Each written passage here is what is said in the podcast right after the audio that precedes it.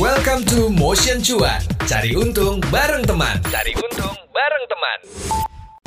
Buat kamu, para fresh graduates yang pengen tahu serba-serbi dunia kerja profesional, serta hak dan kewajiban karyawan dan perusahaan, yuk dengerin Podcast Obsesif, persembahan Medio by KG Media, hanya di Spotify.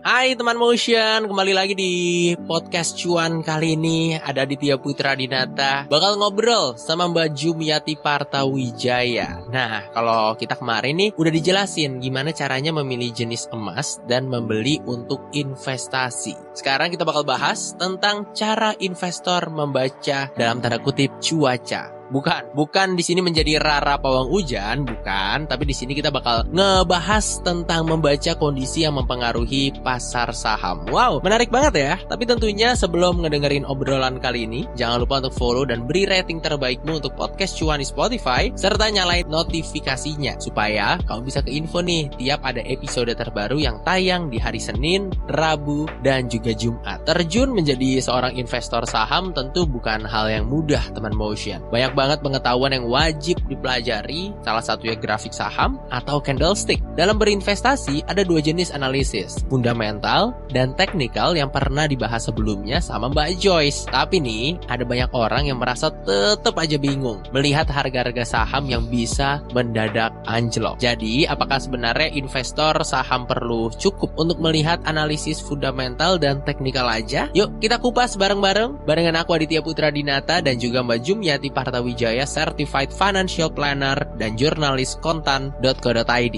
Halo, Mbak Jum, apa kabarnya hari ini? Baik, Adit. Siap. Uh, Mbak Jum, kemarin tuh sempat aku ngobrol sama Mbak Joyce tentang analisis fundamental dan juga teknikal. Tapi sebelum kita ngobrol bagaimana cara membaca cuaca dalam tanda kutip, boleh nggak Mbak Jum untuk merimain teman motion? Kira-kira apa sih fundamental dan teknikal perbedaan, keunggulan, kekurangan, anything? Tapi secara singkat aja Mbak Jum, nggak apa-apa. Oke, okay. kalau di investasi saham itu kan ada dua aliran besar ya, yaitu fundamental dan teknikal. Kalau fundamental Oke. ini, kalau kita lihat dalamnya perusahaan, ya laporan keuangan. Istilahnya Oke. gini deh, kalau kita lihat temen punya kafe nih, ngajakin join, kita lihat apa? Gitu kan? Yang kita lihat kan laporan keuangan. Terus juga nanti si manajemennya, omsetnya berapa, keuntungannya berapa, bagaimana persaingan dan segala macam. Nah ini itu aliran fundamental, agak ekstra fundamental lah ya, karena Oke. sampai dalam-dalamnya. Kalau benar-benar fundamental itu sampai dalam-dalam sampai Hmm. persaingannya ada segala macam. Tapi kalau pada praktek fundamental yang kebanyakan lebih ke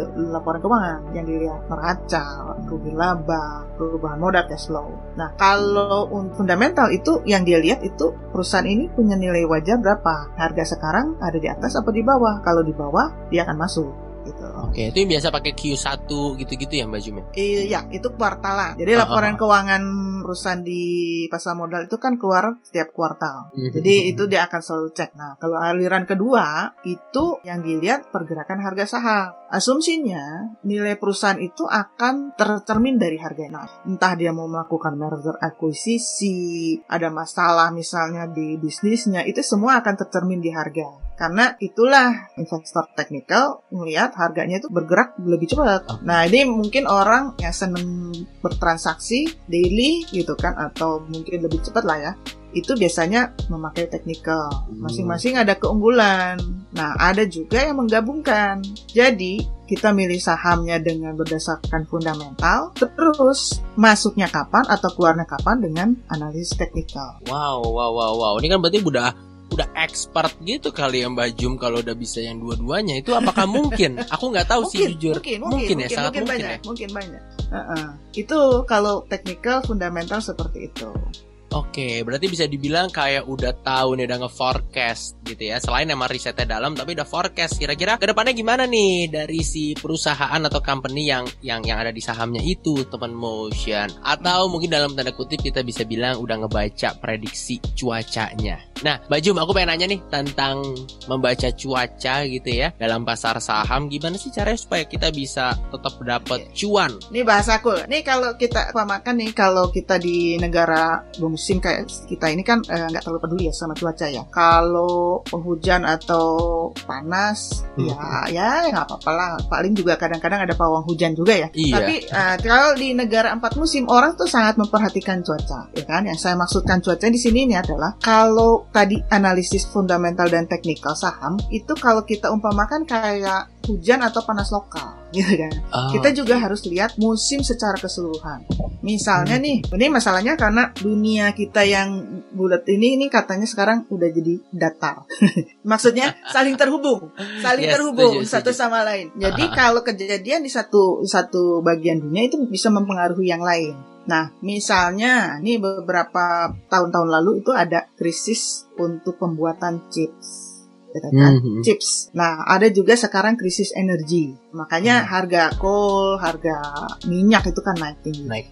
Ah, ada juga sekarang mulai ramai lagi juga krisis pangan. Makanya CPO dan boom juga itu lagi lagi lagi ramai. Nah, ini nggak bisa lepas. Jadi semuanya ini akan ter- Terhubung. terhubung, tertranslasi juga ke, ke Indonesia walaupun itu terjadinya di Ukraina gitu kan di Rusia gitu kan. Setuju, itu setuju. terhubung gitu Yes. kan. Oke, berarti karena ada eh, faktor terhubungnya sekarang sama aja kayak kita megang handphone lah ya. Kita mau tahu keadaan Hmm. di luar negeri, siapa mungkin teman kamu, teman motion sangat gampang gitu ya. Begitupun dengan kamu yang Nah. menjadi seorang investor gitu kali Mbak Jum. kita ini bicara investornya itu kan kalau kita kita ini investor lokal ya domestik ya orang-orang Mhm. orang Indonesia berinvestasi di bursa efek. Nah jangan lupa di bursa efek Indonesia ini juga ada investor asing Oke. dan investor asing ini jadi kayak andalan lah gitu kan untuk pasar pasar saham di Indonesia. Ada tahu nggak? Jadi di sebelum COVID ya investor investor di Indonesia ini ada berapa bank? Kita kan 250 juta penduduk ya Iya. kita ini nggak nggak lebih dari 2 juta 2019-an ya 2020 lah sebelum masuk covid nah cuman 2 jutaan dikit Mhm. banget gitu kan Yes. begitu Maret 2020 IHSG ambles itu karena investor asing pada cabut pada kabur gitu kan akhirnya kita nih kita kan nggak bisa ke mana-mana masalah sementara kalau investor asing itu kan secara global dia ngelihat oh Indonesia nggak menarik cabut gitu kan Oke. Oh Indonesia menarik masuk gitu kan kayak gitu. Dia bisa masuk ke Afrika, dia bisa masuk ke Eropa, dia bisa masuk ke mana-mana gitu Hmm. ke ke Amerika, ke Cina kayak gitu. Dia bisa masuk ke mana-mana, di mana yang menarik dia masuk. Kalau kita kan nggak bisa ke mana-mana ya, udah diem aja di sini gitu. Benar. Nah, baru belakangan nih investor di Indonesia nih berkembang. Akhirnya sekarang sekitar 8,4 juta itu per Maret 2022 ya. Moga-moga Wow. terus terus bertambah gitu kan. Amin. Antusiasme kita melihat investasi ya patut disyukuri. Jadi kita bisa agak mandiri lah gitu, nggak terlalu tergantung dengan investor asing. Yes. Tapi tetap juga sih, kalau Adit ingat kemarin bulan awal Mei Oke. itu kan sempat ambruk ya sekitar belasan persen lah itu karena investor asing juga cabut gitu. jadi sebelum di awal 2022 ini pasarnya agak naik kan kayak pasang naik gitu kan nah Oke. itu investor asing masuk kayak gitu Oh. nah ya begitulah gitu kejadiannya Setuju ya. Jadi kalau kita terlalu bergantungan ya balik lagi investor asing mah ya nyantai-nyantai aja, kitanya Nyantai-nyantai jadi aja. bingung ngarep aja gitu ya Mbak Jum ya nih. Kenapa nih gitu kan? Tapi Mbak Jum, aku tertarik banget ngomongin berarti kan Iya, uh, iya. memang memang penting bagi kita untuk bisa membaca cuaca pasar finansial seperti tadi analoginya mungkin investor asing, investor lokal. Apa sih Mbak yang paling mempengaruhi sebenarnya kalau untuk dalam tanda kutip membaca cuacanya ya? kalau kayak untuk investor asing itu kalau kita ya kalau kita melihat ini artinya kita melihat preferensi investor asing ini mau lari ke mana. Jangan kita cuma nunggu di sini investor asing masuk oh musim semi investor asing keluar oh winter is coming gitu aja gitu kan nggak gitu juga tapi kita ngelihat investor asing ini preferensinya lari ke mana gitu kan nah kalau kayak sekarang yang paling utama untuk jadi acuan mereka itu adalah Amerika tentunya jadi kenapa lah namanya suku bunga The Fed atau suku bunga acuannya di Amerika Yes. itu jadi penting dan inflasi di Amerika juga penting. Nah, sejak Covid ini perdagangan di dunia kan terganggu. Yes. Macam-macam ya, mulai dari SDM, dari dari Cina lah yang jadi produsen itu lockdown Mhm. dulu, terus harga minyak mentah naik segala macam itu bikin inflasi Amerika naik. Yang awalnya maunya 2 2 persenan sekarang udah di 8 persen. Artinya ini suku bunga acuannya di Amerika harus ngikutin. Sekarang masih di satu persen. Gitu. Oke. Nah, kenaikan suku bunga suku bunga The Fed atau suku bunga acuannya di Amerika itu akan bikin instrumen yang ada di Amerika jadi buruan. Hmm. Gitu. Oke oke, berarti itu yang pada akhirnya dampaknya sampai sekarang kita tahu venture capital dari luar negeri banyak yang invest ke Indonesia, makanya beberapa startup kemarin juga menyatakan harus PHK dan lain itu mungkin efeknya baju? Iya, karena likuiditasnya mereka semakin semakin ketat, terus mereka juga semakin picky ya, semakin memilih gitu kan. Mana nih yang yang yang cuan, yang mana? Akhirnya karena dia punya pilihan ya udah, pak harus nyari yang terlalu berisiko kayak gitu. Karena untuk investor asing salah satu yang dia lihat selain turun naiknya harga saham misalnya, yang dia lihat itu depresiasi rupiah terhadap USD. Kalau misalnya dia masuk rupiahnya terus me- melemah, rugi dia. Makanya dia pasti yang dia perhitungkan itu juga rupiah itu kalau melemah dia pasti cabut. Wow wow wow bisa begitu ya teman motion. Nah kalau pada kondisi yang buruk banget nih, kira-kira apa nih yang bisa dilakuin sama kita seorang investor yang ya kalau dibanding sama investor yang asing mah cilik banget deh gitu baju. Nah, ini sorry sebelum sebelum sampai sana nih, Adit.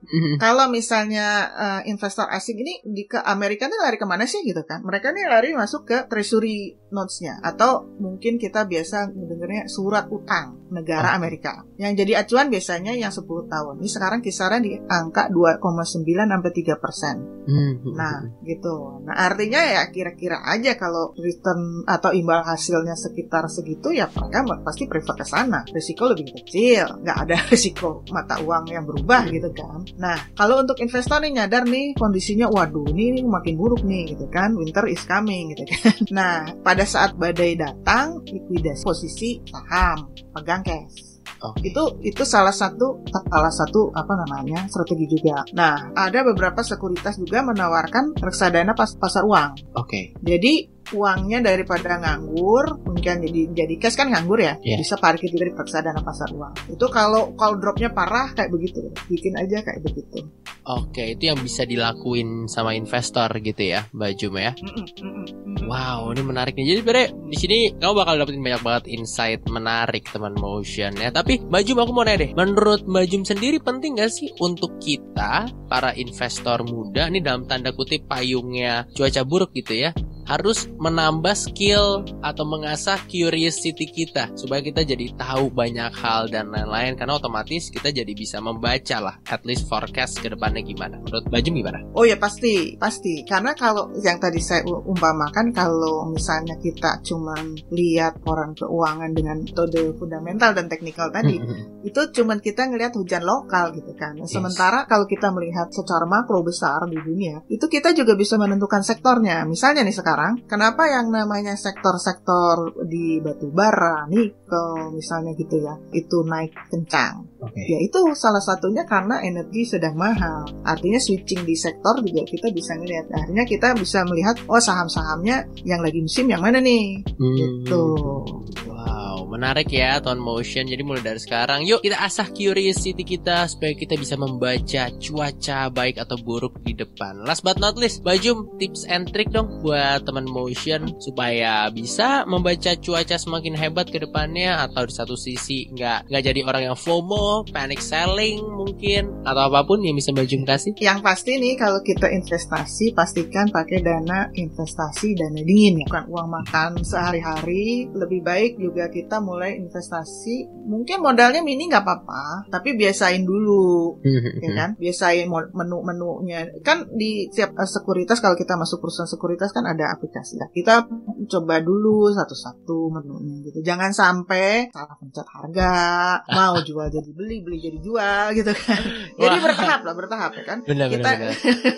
jadi nanti kita kalau misalnya udah oke hasilnya juga oke jadi kita naikin modalnya sedikit-sedikit lah ya kan baby step lah ya jangan jangan langsung nyemplung brung pengen dapat uang gede Oke, Terusnya bertahap. malah bertahap. iya, Ya. makanya itu dia bertahap ya. Teman Motion ke depannya pasti Amin Amin bisa jadi seorang investor yang hebat juga. Majum, thank you so much loh ngobrol-ngobrolnya hari ini. Oke, terima kasih.